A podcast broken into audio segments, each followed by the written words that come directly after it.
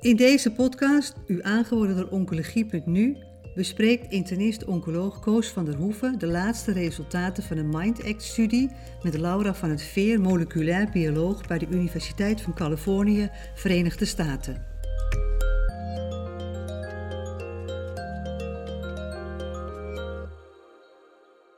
How low risk is low risk? Ik ga hierover praten met professor Laura van het Veer. Um, zij is moleculair bioloog en zij werkt in Amerika in het Cancer Center van de University of California, San Francisco.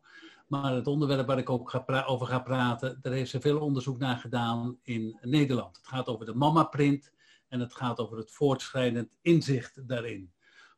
Laura, welkom. Voordat we gaan praten over wat je eh, verteld hebt bij de San Antonio Breast Cancer Symposium, wilde ik je vragen, zou je nog eens een keer in een, paar zinnen uit willen leggen wat de mamaprint precies is? Ja, um, de mamaprint is een diagnostische test die kijkt naar de activiteit van genen in, voor patiënten die gediagnosticeerd zijn met early stage borstkanker. Um, en dan hebben we het over patiënten met een tumordiameter minder dan 5 centimeter en 1 tot 3 positieve klieren. En de MAPRINT-test extraheert de activiteit van genen uit een tumorbiopsie. En wat je daarin kan zien, of de 70 genen in de zogeheten aanstand staan of in de uitstand. En als die 70 genen in de aanstand staan, dat noemen we MAPRINT hoog risico, dan is er een hoger risico uh, om later na de primaire behandeling een uitzaaiing te krijgen, tot ongeveer um, 15, 20 procent op 10 jaar weten we nu. En als iemand een diagnose mammaprint in de uitstand heeft, wat noemen we mammaprint laag risico, dan blijft dat risico uh, tot tegen de 10 jaar uh, onder de 10% en voor sommige subgroepen zelfs onder de 5% risico om een uitzaaiing te krijgen. Deze wetenschap die is ontleend aan het feit dat jullie uh, tumormateriaal hadden van patiënten die in de vorige eeuw wel geopereerd waren, maar nog geen adjuvante therapie hebben gekregen. Dat klopt. En die, en die patiënten waren allemaal gediagnosticeerd in het Antonie van Leeuwenhoek ziekenhuis, waar ik voordat ik naar San Francisco kwam ruim twintig jaar gewerkt hebt. En dit een van de dingen was die ik daar heb onderzocht met een groep andere pathologen en moleculair biologen. Oké, en die test is later gevalideerd met dezelfde tumormaterialen uit andere centra? Dat klopt, ja. En ook andere landen zelfs. En vervolgens in de MindX-studie, wat nu het onderwerp is van mijn abstract, uh, was op San Antonio. Oké, dan gaan we praten over de Mindex-studie. Die uh, is bij de meeste luisteraars is die bekend. Daar is al een jaar of vijf geleden de eerste, zijn de eerste resultaten van gepubliceerd. Zou je kunnen vertellen wat de eerste resultaten waren? Ja, de eerste resultaten um, gepubliceerd in 2016, die lieten het primaire eindpunt van de studie zien op een vijf jaar uh, survival uitkomst. En in de primaire uh, analyse was op vrouwen die een zogeheten klinisch hoog risico hebben, dus grotere tumoren, um, kon zowel lymfeklier negatief als positief zijn. Um, en die tumoren waren mammaprint laag risico. Dus de klinische vaststelling zei hoog risico, de mammaprint zei laag risico. En de studie wilde laten zien dat als die vrouwen op grond van de mammaprint geen chemotherapie zouden krijgen, dat hun vijfjaars uh, survival zonder uh, afstandsmetastase moest rond de 95% zijn en de ondergrens moest boven de 92 zijn. En dat liet het zien, het was 94,7 en de ondergrens zat op 92,1. Dus eigenlijk... Ja, daarmee was de, de primaire eindpunt behaald. Omdat je dan ervan uit kan gaan dat als je chemotherapie toe zou voegen, dat je nauwelijks een overlevingswinst zou kunnen behalen. Omdat het al zo laag is om mee te beginnen. Uh, voor een heleboel mensen, voor een heleboel oncologen, waren deze resultaten overtuigend genoeg om de mammaprint ook in de klinische praktijk te gaan toepassen? om te beoordelen of je veilig bij sommige patiënten chemotherapie achterwege kon laten. Toch was dat niet voor iedereen het geval en is uitgezien naar een langere follow-up. En bij de ESCO van dit jaar zijn daar resultaten van verteld. Zou je kunnen vertellen wat die aanvullende resultaten waren? Ja. ja het is natuurlijk altijd belangrijk om naar langere follow-up te kijken, omdat, ik bedoel, survival, ziektevrije overleving eindigt niet bij vijf jaar. Dus dit jaar waren we in staat om naar, bij het gemiddelde follow-up was 8,7 jaar. Uh, om te laten zien wat, wat de survival was um, op een achtjaars eindpunt. En daarin uh, lieten we zien dat wederom als je diezelfde groep neemt van klinisch hoog risico en mammaprint laag risico patiënten, dat als die geen chemotherapie hadden gekregen als onderdeel van onze studie, um, dat dan hun vijf jaar survival was in dit geval 95,3 procent. Uh, en de ondergrens is nu 93,1. Dus wederom werd het primaire eindpunt bevestigd. Dus een bevestiging van de... Vijf jaar, sorry. En dit was de vijfjaarse uitkomst, sorry. Ja. ja. Maar er, waren, er, was wel een, een, een, verschil in bepaalde groepen patiënten. Er was een ja. verschil voor de patiënten die jonger dan 50 jaar waren. Ja, dus de, het, het secundaire eindpunt is natuurlijk te kijken, de andere groep patiënten die klinisch hoog en mammaprint laag risico waren, als je die nu wel chemotherapie geeft, wat is dan eigenlijk het verschil? Dus als je in de hele groep kijkt, alle patiënten, dan was het verschil op acht jaar 2,6 procent. Dus dat is nog steeds vrij weinig, omdat je kan denken, nou ja, als je daar chemotherapie heeft ook bijwerkingen. Maar toen vervolgens is er gekeken of er een verschil was als je die e-, evaluatie doet voor vrouwen met een diagnose tot op de leeftijd van 50 jaar of boven de 50. Nou, wat we dan zagen dat als vrouwen die boven de 50 zijn, is het op 8 jaar het verschil met en zonder chemotherapie 0,2 procent. Um, dus dat is echt heel weinig, dat is gewoon geen verschil. Maar bij vrouwen met een diagnose onder de 50 zagen we op 8 jaar een 5% um, ehm, distant recurrence free survival. Dus een ziektevrije overleving zonder afstandsmetastase of dood door um, andere oorzaken. Dus dat, dat is natuurlijk, dat was sinds het begin van dat we deze studie opzetten natuurlijk niet verwacht.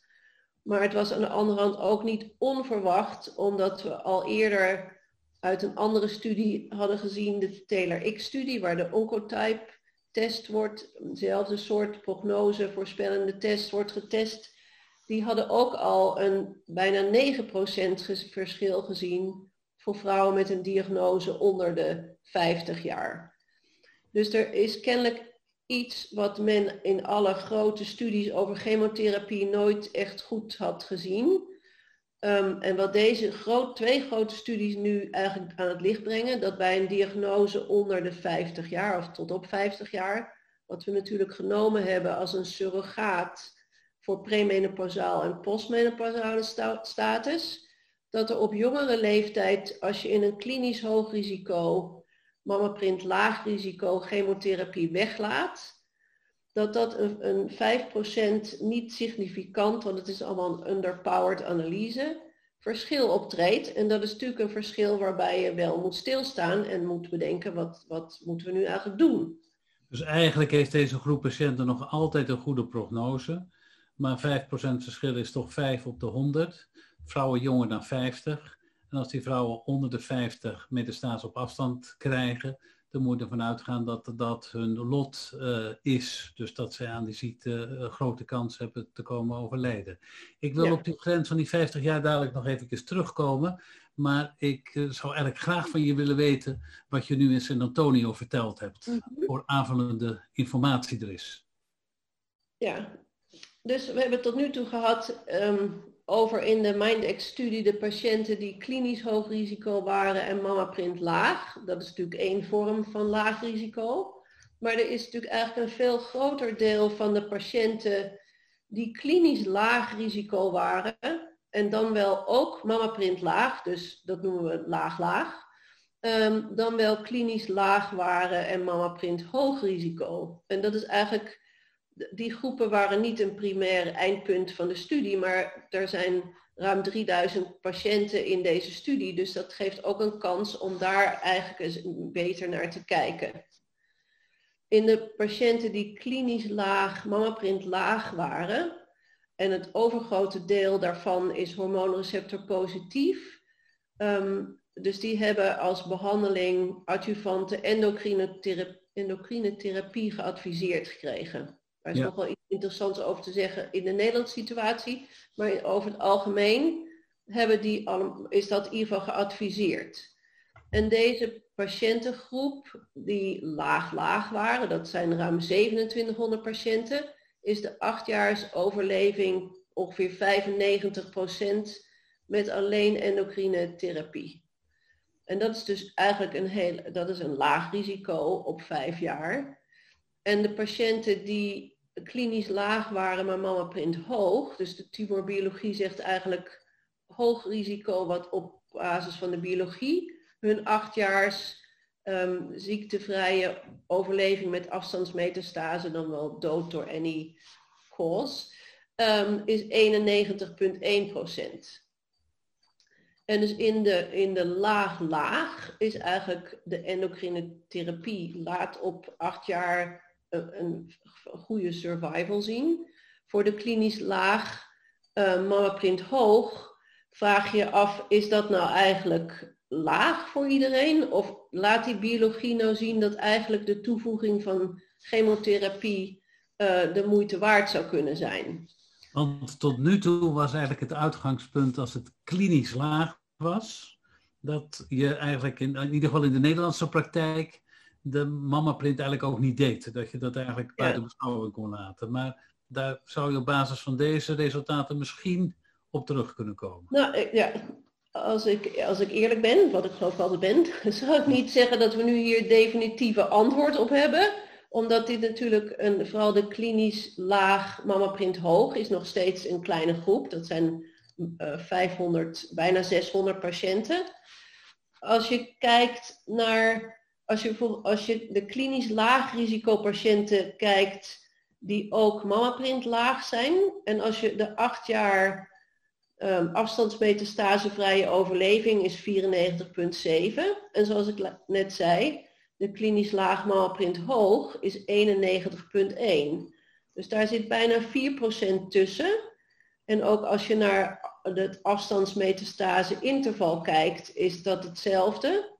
En overall survival ook. Dus als de tumorbiologie zegt hoog risico, vind je overal ruim 3% verschil. Ja. Nou, als je nu kijkt in die groep, wat is nu het verschil als je wel chemotherapie toevoegt of niet? Dan is het anderhalf procent. Dus dat is nou niet dat je zegt, hier moet ik nu absoluut chemotherapie gaan geven.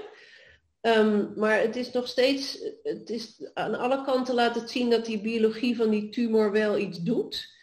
Um, en ik denk dat we nog verder um, karakteristieken moeten definiëren om echt binnen die groep aan te wijzen bij wie is het nu dat je echt een toevoeging van chemotherapie een toegevoegde waarde heeft.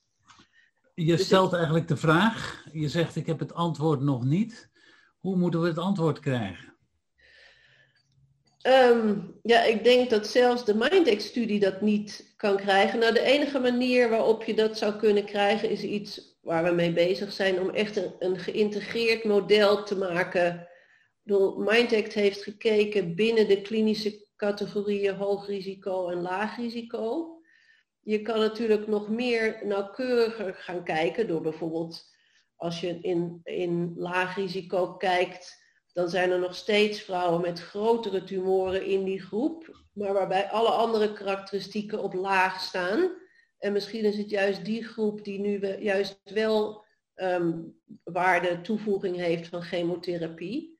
En ook in dit geval hebben we gekeken naar of er hier een verschil is in, um, in voor jonge vrouwen en um, over onder 50 jaar en de postmenopausale boven de 50. En eigenlijk zien we daar weer hetzelfde. In dat de vrouwen, dat heb ik in mijn abstract staan, dat vrouwen onder de 50, en dit, het gaat om een hele kleine serie van 200 patiënten, dus eigenlijk is alles wat je zegt, um, is nou geen robuuste analyse, maar toch, daar zie je ook weer een 5% verschil door die toevoeging van chemotherapie. Dan wil ik toch even naar die 50 jaar, want um, die 50 jaar dat is een hard getal, leeftijd is een hard getal in al die studies, maar de menopausale status van de vrouwen was ook bekend. Is de analyse daar ook op gedaan? Nou, de menopausale status was niet goed genoeg bekend om daar een betrouwbare analyse op te doen. Dus daarom is het gekozen om het op de leeftijdsgrens te doen. Oké, dus het is een interpretatie dat je denkt dat het de menopausale status is, maar dat weet je niet 100% zeker. Ja. Daar is onzekerheid over en daarom is veiligheidshalve maar de leeftijd van 50 jaar aangehouden. Ja. Er is nog wel een interessant punt te maken over deze, de leeftijdsgrens en of er nu, als je dus, dus we hebben twee situaties. Er is een, de, waar we net mee begonnen, de klinisch hoog risico, mammaprint laag risico onder de 50.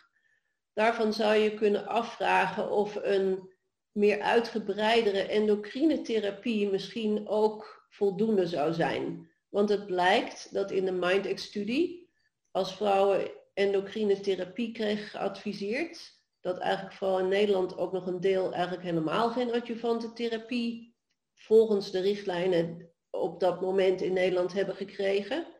En als ze endocrine therapie kregen, heel vaak geen, het overgrote deel, 80% heeft geen ovariumsuppressie gekregen als onderdeel van de behandeling. Ja.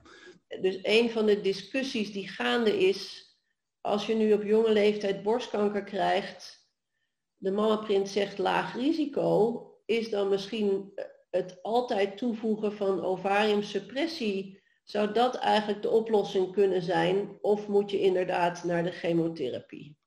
Daar, kan ik geen antwoord op geven, maar dat is wel de discussie die gevoerd moet worden. Ja, dat is de suggestie, maar het antwoord daarop weet je ook niet. Maar als de eh, patiënten zouden op dit moment in Nederland die overweging van ovariumsuppressie wellicht wel krijgen. Dus dat, dat kunnen we niet precies zeggen. Dit, dit was de inhoud van jouw presentatie. Waren er bij San Antonio nog, nog presentaties die hierop aansloten? Ja, ik denk dat er twee belangrijke presentaties zijn. Misschien met eentje te beginnen. Dat is de presentatie van Lajos Pustai uh, over de zogeheten Eric-Sponder trial, een SWOG trial. Dus dat is een Amerikaanse trial die gedaan is met, om de Oncotype DX-test um, te testen. En in dit geval met patiënten van, met 1 tot 3 positieve klieren. Dus zoals de luisteraar weet, uh, is MindX gedaan in lymfeklier negatieve patiënten en 1 tot 3 positieve klieren. En voor MindAct en de MammaPrint maakt dat eigenlijk niet uit of je lymfeklier negatief bent of 1 tot 3 positieve klier. En wat nu de, de, de Taylor X oorspronkelijke studie van Oncotype was alleen lymfeklier negatief. Dus nu de, de Eric Sponder studie laat de, de oncotype waarde zien in uh, vrouwen met 1 tot 3 positieve klier. En ziet daar eigenlijk, ik heb niet alle getallen nog precies in mijn hoofd, maar over het overgrote deel zien dat ook voor oncotype in 1 tot 3 positieve klieren uh, de, de, resultaten vergelijkbaar zijn als in lymfeklier negatief. Dus dat volgt eigenlijk wat MindAct al had laten zien. Uh, maar wat daar ook weer naar voren komt, dat ook daar weer in vrouwen met een diagnose onder de 50 uh, bij een lagere uh, oncotype score toevoeging van chemotherapie een, een toevoeging, een benefit laat zien. Um, en daar wederom de discussie, omdat maar heel weinig vrouwen in die tijd in die studies ovariumsuppressie hebben gekregen, is dat het antwoord of moet er inderdaad chemo gegeven worden? Dus we zijn nu drie, na San Antonio nu drie grote studies op dit gebied die hetzelfde laten zien voor vrouwen onder de 50. Als ik het dan een klein beetje probeer samen te vatten, dan wordt eigenlijk bevestigd dat de mammaprint gebruikt kan worden om te kijken bij patiënten boven de 50 die een klinisch hoog, maar een genetisch laag risico hebben, dan blijf je eigenlijk zeggen, je kan de chemotherapie uh, veilig achterwege laten. Je zegt voor dezezelfde groep, klinisch hoog risico, mammaprint laag risico, maar leeftijd onder de 50 of premenopausaal mogen we misschien ook wel zeggen, dat de dan de prognose nog steeds goed is, maar dat die prognose misschien toch nog iets verbeterd kan worden door de chemotherapie aan toe te voegen, waarbij je in het midden laat of de, een, een ovariectomie, chemisch of chirurgisch, misschien wel hetzelfde zou kunnen bereiken. Zeker, dat, dat is waar, waar. Ik heb er nog één toevoeging aan, want natuurlijk zowel de Oncotype test, maar ook MammaPrint hebben in het, in, om eerst over de MammaPrint te hebben, MammaPrint laag risico. Die test is een continue score. Dus er is een, een ultra laag risico in de MammaPrint laag, waarvan je kan aannemen, en dat zullen we binnenkort hopelijk laten zien, dat de ultralage echt geen benefit hebben van chemotherapie. Ja. En dat is ook weer vergelijkbaar met Oncotype, waar ook de laagste Oncotype recurrence score van 0 tot 11 geen benefit heeft in een klinische hoogrisicosetting van chemotherapie. Ik dus wil nog even terugkomen op een paar vragen die in Nederland vaak leven. Je hebt het al eerder gezegd, maar die groep met 1 tot 3 klieren, mag ik er nou op dezelfde manier de mama-print interpreteren als de patiënten die geen positieve klieren hebben? Ja, volgens mij wel.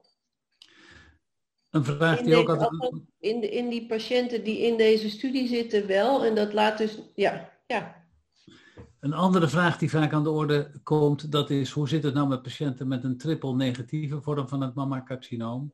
Er zijn ook patiënten die een, uh, een mammaprint of een, een genexpressieprofiel hebben met een laag risico. Is dat, is dat betrouwbaar of zeg je dat is niet betrouwbaar?